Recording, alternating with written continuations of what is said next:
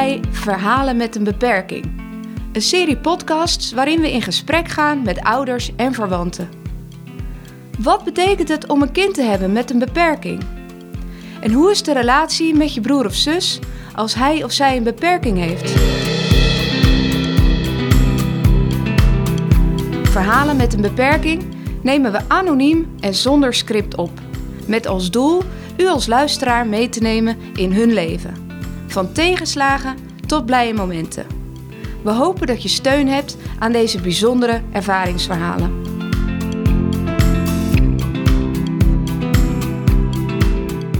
Hallo luisteraars, welkom bij een nieuwe aflevering van Verhalen met een beperking. En corona bepaalt nog steeds voor een groot deel het alledaagse leven. Vandaag zit ik aan tafel met een vader en moeder van een zoon met een ernstig verstandelijke beperking. En wat je als ouders niet wilt dat er gebeurt, dat gebeurde toch. Een corona-uitbraak op de woning van hun zoon. Ja, we zijn uh, allereerst uh, nieuwsgierig wie jullie zoon is. Uh, zou je iets kunnen vertellen over wat hem typeert? En stel nou dat we zouden kennismaken met jullie zoon, wat moeten we dan vooral weten van hem? Onze zoon is een hele vrolijke jongen. Die maakt het overal vrolijk en enthousiast. Als je met hem communiceert, dan moet je in de simpele woorden praten. Vooral het laatste woord luistert hij, uh, hoort hij goed. En vooral korte zinnen. Uh, vooral zingen. Ja, eigenlijk uh, het simpel houden. En het is genieten om met hem om te gaan. Dat sowieso. Ja. En muziek is belangrijk voor hem? Ja, muziek is heel belangrijk voor hem. Hij heeft heel erg ritmegevoel en hij kent heel veel liedjes.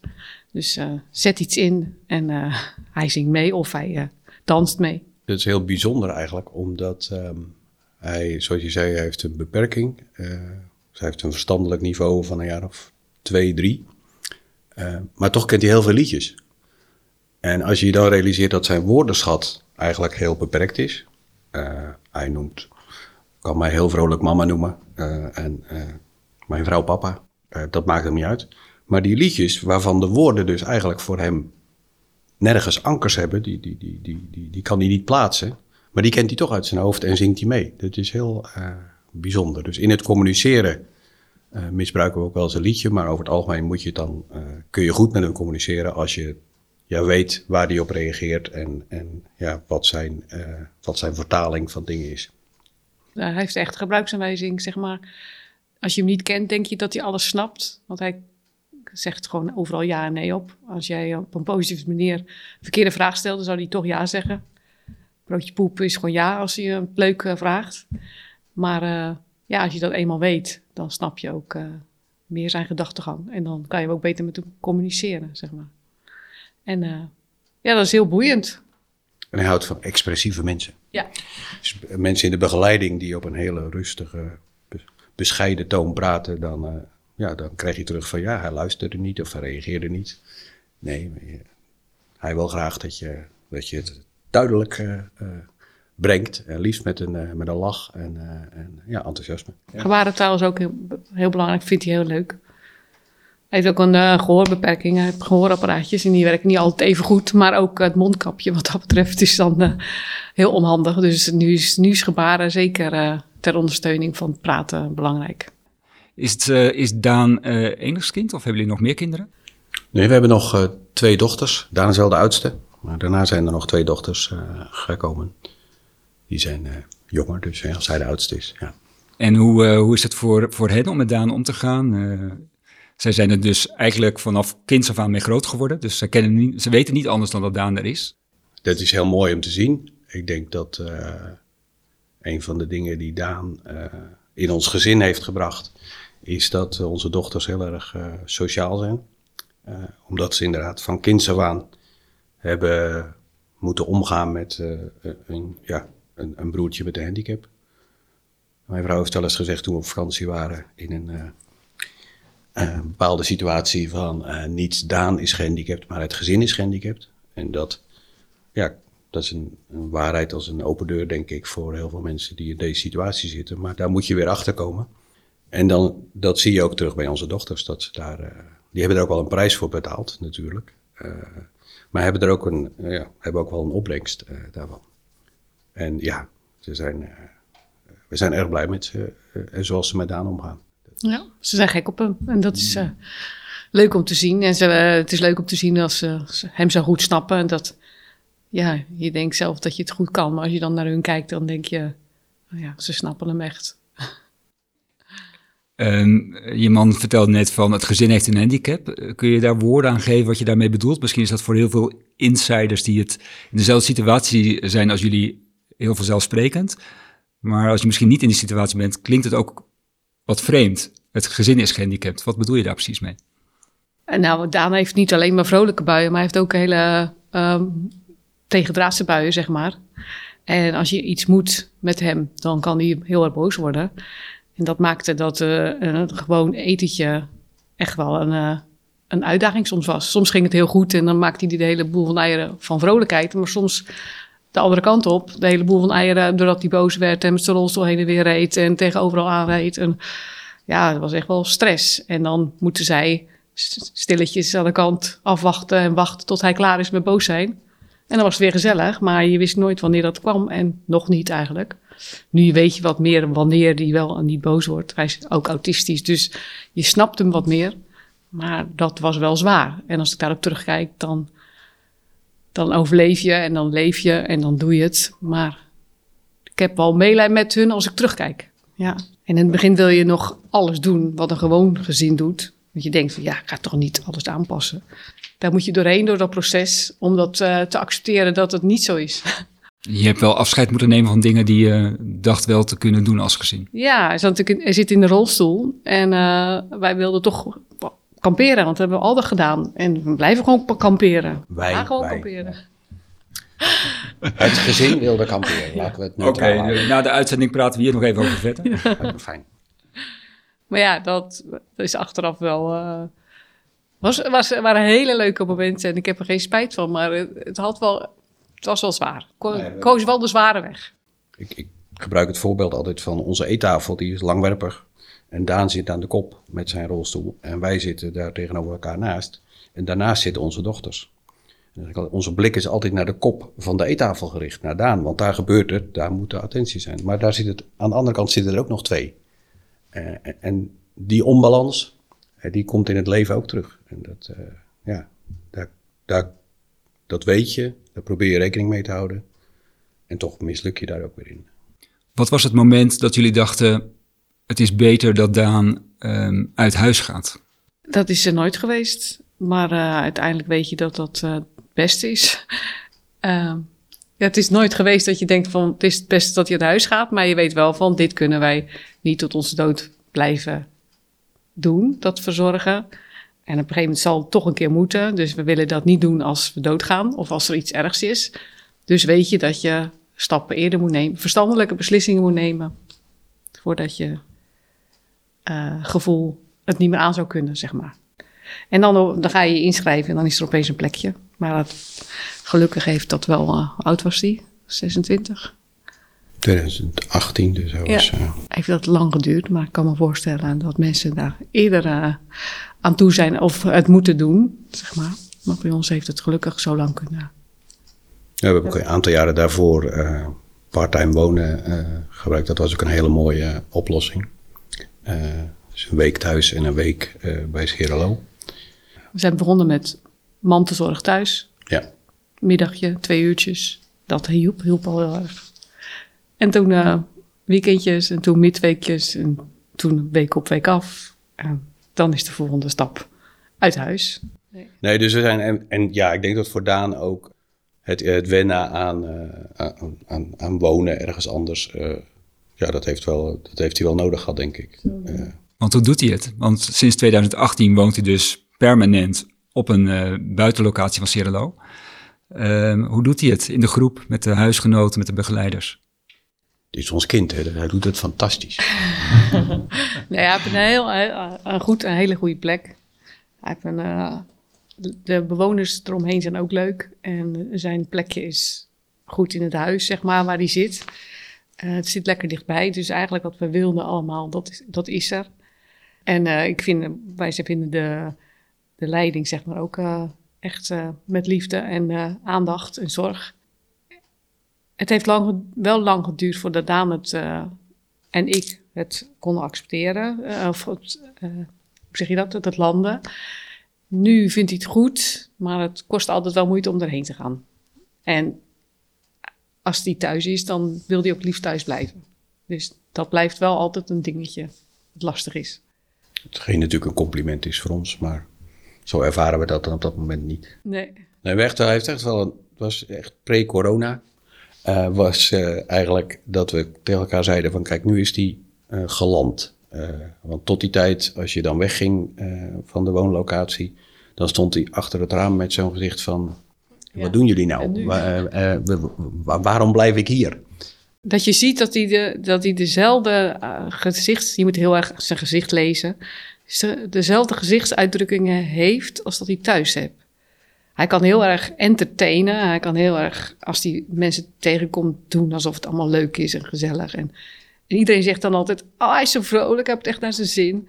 Maar als je hem echt goed kent, zie je wanneer hij ontspannen is en wanneer hij zeg maar, een soort dwangmatig rust heeft. Zeg maar. En dat had hij wel. Het was eigenlijk nog net voor corona dat je het gevoel had van hé, hey, nu accepteert hij deze woning als zijn thuis. Kan ik dat zo zeggen? Nou ja, ja, met de kanttekening dat hij thuis thuis noemt hij dan toch thuis. Ja. Maar, dat, dat, ja, dat... maar qua gezichtsuitdrukking kon hij wel ontspannen zijn bij het idee dat hij op die woning uh, bleef. Zeker. Ja. En toen kwam corona en ja. ging alles ondersteboven. Hoe, uh, hoe was dat? Nou, hij ging, uh, doe ik de feiten even. Hij ging vrijdag 13 maart, hij was thuis geweest, uh, donderdag. Uh, en vrijdagmorgen wordt, werd hij dan door de bus opgehaald. En dat was vrijdag 13 maart. Dat we hem uitzwaaiden en nou, dat, tot ziens. En dat weekend, volgens mij zondagavond, werden de maatregelen afgekondigd. En, en ging de woning op slot. Met ingang van maandag, volgens mij. Dus dan, en jij bent toen zondags nog bij hem geweest. Ja, we kregen toen die brief en. Ja, geef het maar toe. Jij zei: Ik heb hem niet gelezen, ik ga nog even kijken. Nee, dat was, dat was de tweede oh, was keer. De tweede oh, keer. Ja, ja. Want de eerste keer was ik ziek. En de, uh, dat was de redding in de zin. Redding in de zin van, nou ja, redding, hoe is het van. Maar uh, ik, ik als moeder, nou, ik had hem echt gelijk opgehaald. Ik had hem echt daar niet gelaten en ik had ook echt niet hem op slot daar willen laten zitten. Maar ik was ziek. Ik denk misschien zelfs dat ik corona had, want ik was echt zo grieperig en verkouden zoals ik nog nooit was geweest. Dus wie weet, had ik het al. Ik heb het ook tot daarna, nog niet meer gehad. Maar daardoor heb ik hem niet opgehaald. En ik was echt, ik was echt helemaal over de rooi toen ik die brief las. Dat we hem niet meer op mochten halen, dat we er niet meer naartoe mochten. Dat als die opgehaald zou worden, zou hij niet meer terug mogen. Dus nou ja, ik, ik ging. Uh, Daan is heel rationeel en ik ben een gevoelsmens. En echt. Uh, maar doordat ik ziek was, kon ik hem niet ophalen. Want ik denk, ja, uh, dit heeft geen zin om hem op te halen.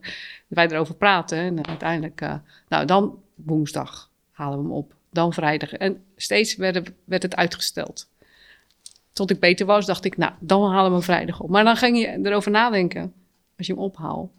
Wat ga je dan met hem doen? En nou, Daan en nog een paar om me heen.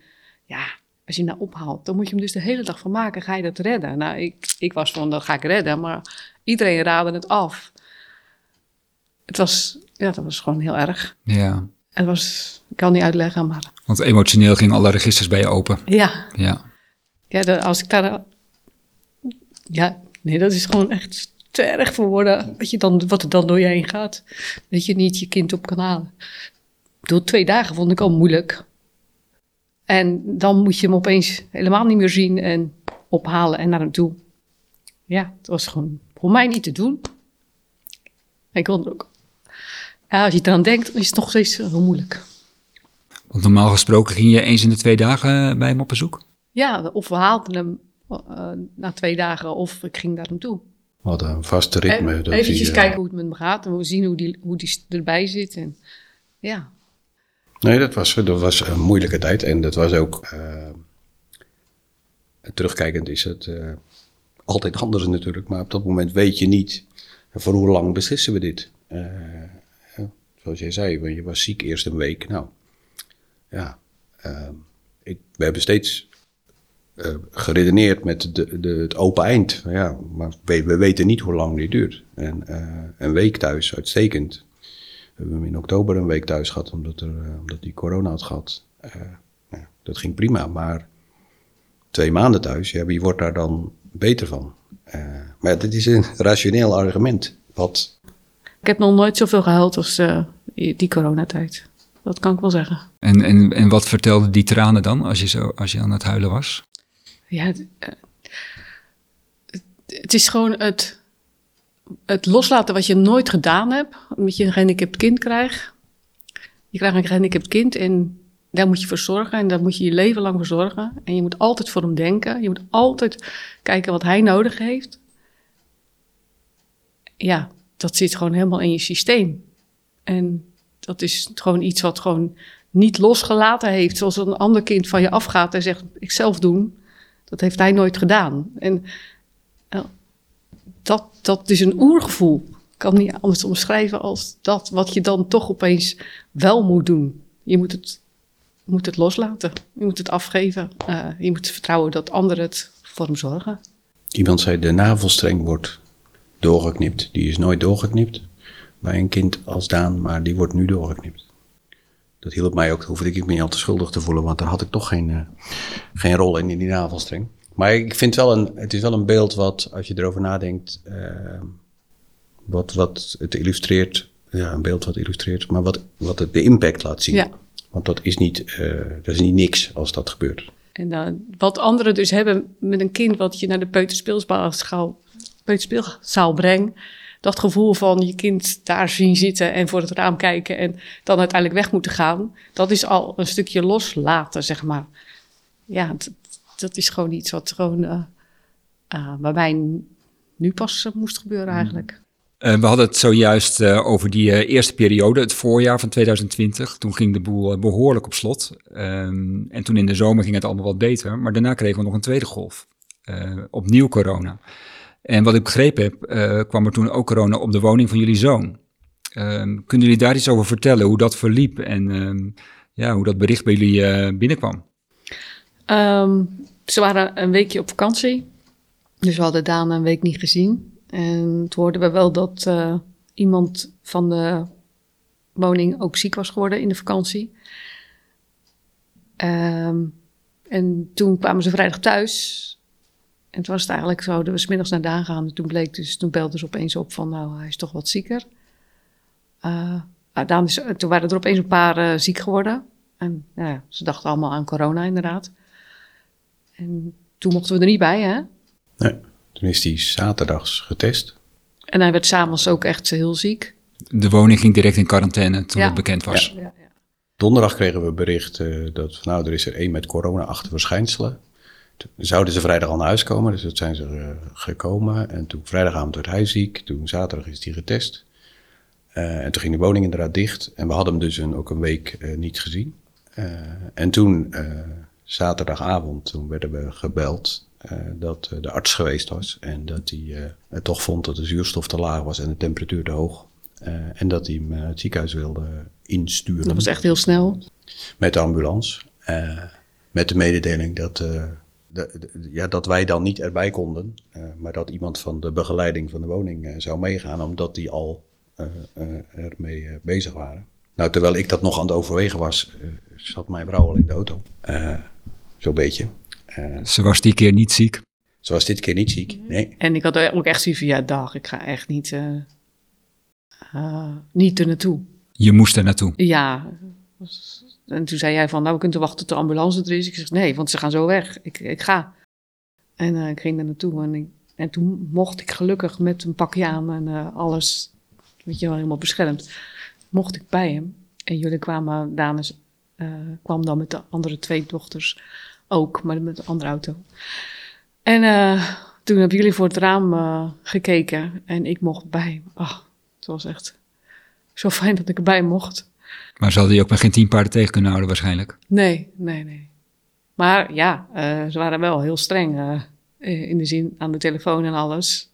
Alleen degene die dan de leiding had op dat moment, die begreep wel dat ik er ook bij wilde. En ze vonden het ook wel fijn, want het is, het is moeilijk, want hij kan niet communiceren. Dus het is super moeilijk om te weten hoe het nou met hem is en wat hij nodig heeft. En waar, wij zijn het wij hebben al die tijd hem als hij ziek was verzorgd. Ja, en dan moet je opeens als leiding... En ze zijn heel goed, maar ze hebben nog niet de ervaring die wij hebben gehad altijd met hem. Dus ze waren zelf denk ik ook wel blij dat wij erbij... Uh, Heel handig om er iemand bij te hebben die precies weet hoe het met hem gaat. ja, je kijkt natuurlijk, je ziet Ja. precies aan zijn gezicht uh, hoe, hoe die zich voelt.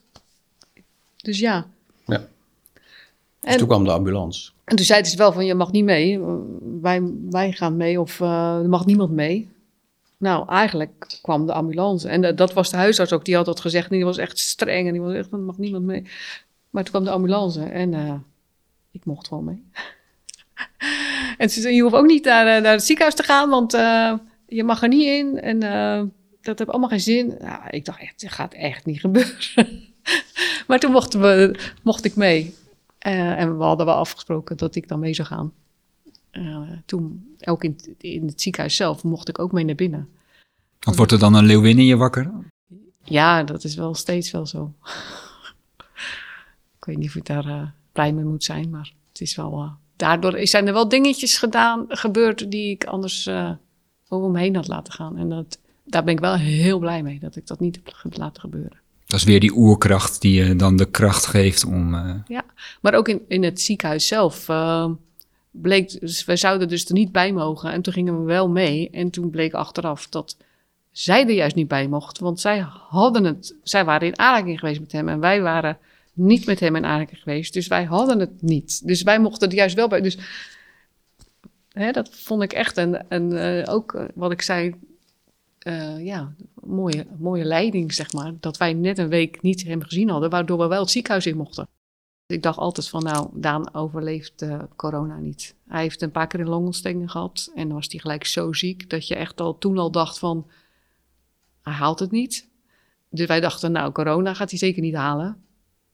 Eh, dus je dacht ook wel van, ik, ik was ook echt aan het trillen toen de telefoon ging, hij heeft corona.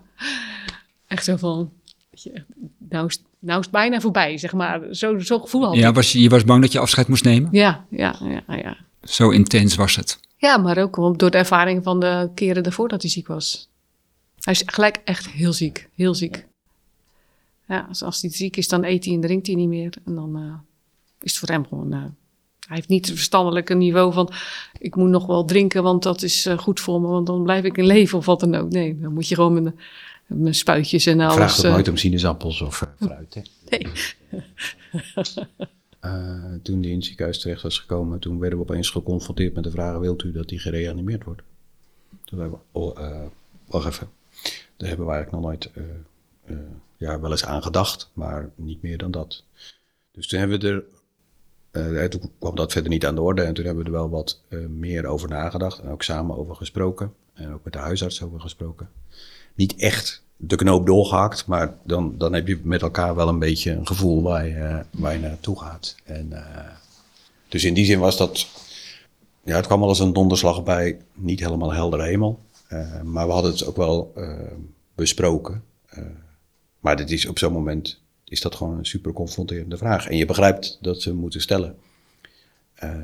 Maar dit, ja, dat, dat heeft impact. Nou ja, je staat, zo klinkt het althans, je staat echt in het heetst van de strijd.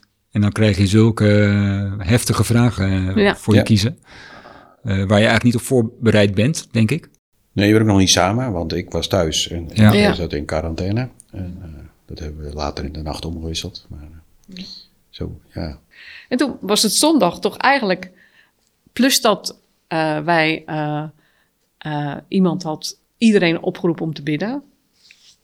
Eh, dus er werd een heel ge- gebed voor hem eh, uitgesproken. Vanuit jullie gemeenschap zeggen mensen die jullie kenden, die gingen massaal, zeg maar, in gebed voor, Ja. voor Daan. Ja, ja. en eh, heel wonderlijk, maar smiddags, eh zondagmiddag, zei de arts eigenlijk van ja, we kunnen nu dus eh, hem hier houden, maar eigenlijk kunnen jullie thuis het ook doen. En dus ze kregen een pakket mee met eh, saturatiemeter en eh wat nog meer?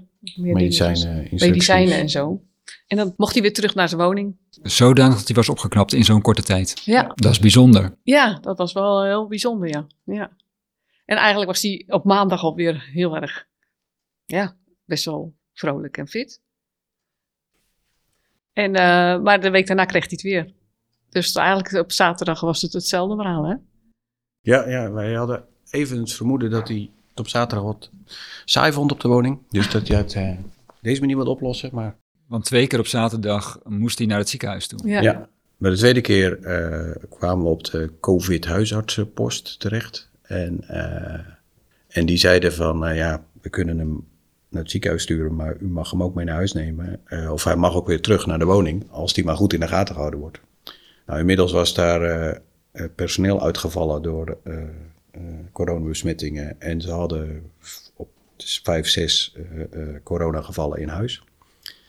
Dus eh, toen hebben we elkaar eh, één keer aangekeken, geloof ik. Toen zeiden we, nou, we nemen hem wel mee naar huis. En dan, eh, ja, dan moeten we zelf tien dagen binnen blijven, maar dat is dan wat het is.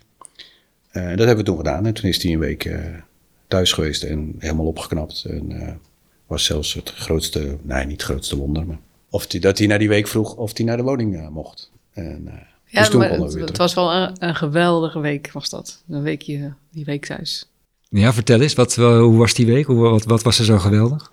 Eh, het was, hij was zo ontzettend lief en, eh, en ja, helemaal in zijn hum. En eh, ik, ik was, het was een soort met opladen van alles wat je meegemaakt hebt, zeg maar. Voor mijn gevoel. Eh, voor mij was het echt een, een week met een, eh, een gouden randje. Gewoon, hoe, omdat het, het, was, het was ook daarna weer goed dat hij daar naartoe terugging. eh, Maar het was gewoon zo fijn. We hebben gewoon hele leuke dingetjes gedaan. Al- Alleen maar thuis. Maar ja, Jullie zullen er ongetwijfeld nog veel over hebben nagedacht en ook met elkaar over hebben gesproken. Ehm, hoe kijken jullie er nu op terug, op die tijd? ik heb, ik, ja, ik heb er meer vertrouwen door gekregen. Dus voor mij eh, heeft het wat, wat meer eh, rust. Ik was daarvoor best wel boos op God, ook eh, voor de corona. En voor alles van, van het jaar daarvoor. Gewoon ik, door alles wat je mee hebt gemaakt. Niet echt boos, maar meer van, nou, er is, is, eh, wordt toch niet geluisterd. En de afgelopen jaren heb ik gewoon gemerkt van, nou, ook al vraag ik niks. Er wordt gewoon gezorgd. Klinkt stom, misschien in deze tijd, maar Nee, klinkt niet stom. Ik vind het eigenlijk wel heel mooi klinken.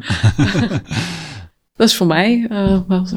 En hoe was dat voor jou? Eh, kijk, dit, dit zijn geen situaties waarvan je zegt van ik zou ervoor kiezen. Eh, dat zou een beetje dom zijn. Maar we hebben wel weer ook een, heel duidelijk een positieve opbrengst. Het feit dat we gezien hebben dat het met Daan eh, goed gaat. je- Dat je daarvoor niet eh, ehm, direct eh, naar hem toe moet of hem op hoeft te halen. Ik bedoel, dat geeft ons niet de vrijbrief om maar te zeggen, nou dan hoeven we hem een paar weken niet te halen. Maar het geeft wel rust dat hij daar, eh, ja, dat hij echt op zijn plek zit. En dat hij ook kan communiceren via eh, beeld. En eh, toeval of niet, maar we zijn ook wel een paar keer gebeld in die tijd via Skype. Dat we dachten, dit is een vreemde tijd. Maar dat hij zelf op het icoontje gedrukt had.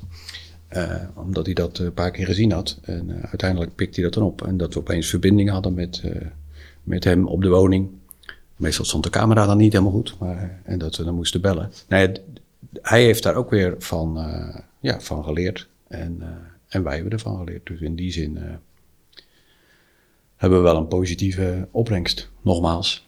Zonder het te romantiseren, maar als ik jullie zo hoor, dan heeft het, eh, heeft het ook een stukje creativiteit gebracht. Hè? Op een andere manier eh, via beeldbellen kunnen communiceren met elkaar. Het heeft je wat geleerd in het loslaten, op, hè, wat, wat voor de een moeilijk was. En het heeft ook iets geleerd over vertrouwen. Dat je er niet alleen voor staat. Vat ik dat op een goede manier samen zo? Ja, ja, heel goed. ja. Jongen, dankjewel voor het delen van jullie verhaal. Voor de luisteraars thuis, hebt u nog vragen naar aanleiding van deze podcast of wilt u graag in gesprek met iemand van Geestelijke Zorg Cirelo? Mail dan met geestelijkezorg.cirelo.nl.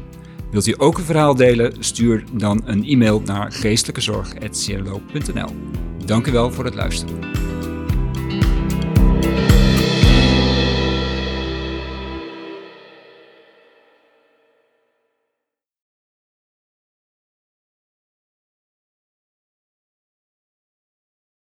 Twee weken nadat ik hem nog niet opgehaald had, eh, toen had ik mijn oppas Lisette, die hem heel goed kent door en door. En die hem ook echt ook voor hem door het vuur gaat. Die, Ja. die zei tegen mij, ik zou hem niet ophalen. En ik zat in de auto.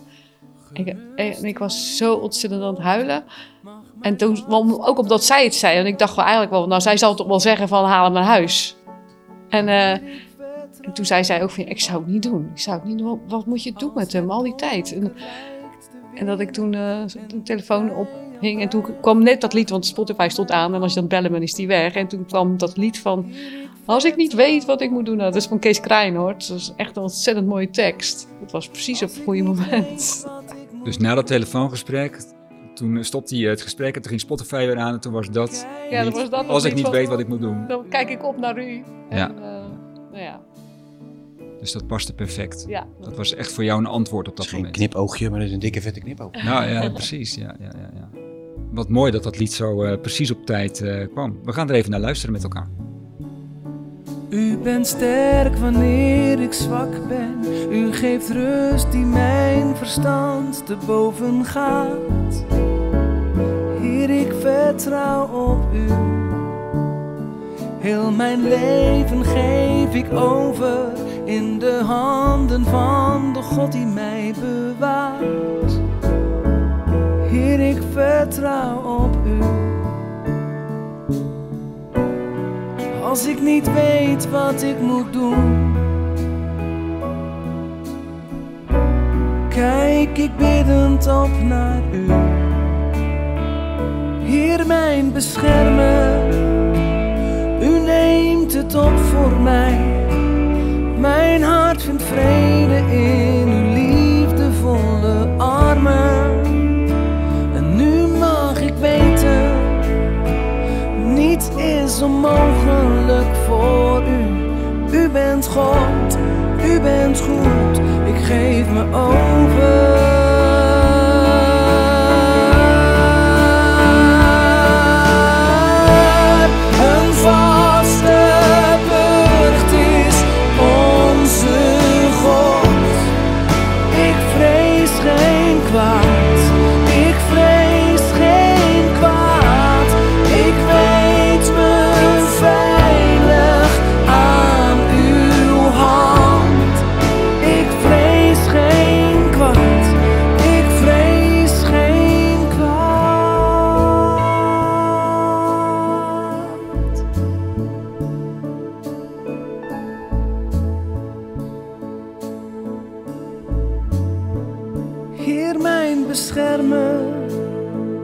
U neemt het op voor mij. Mijn hart vindt vrede in uw liefdevolle armen. Nu mag ik weten, niets is onmogelijk voor u. U bent God, u bent goed, ik geef me over.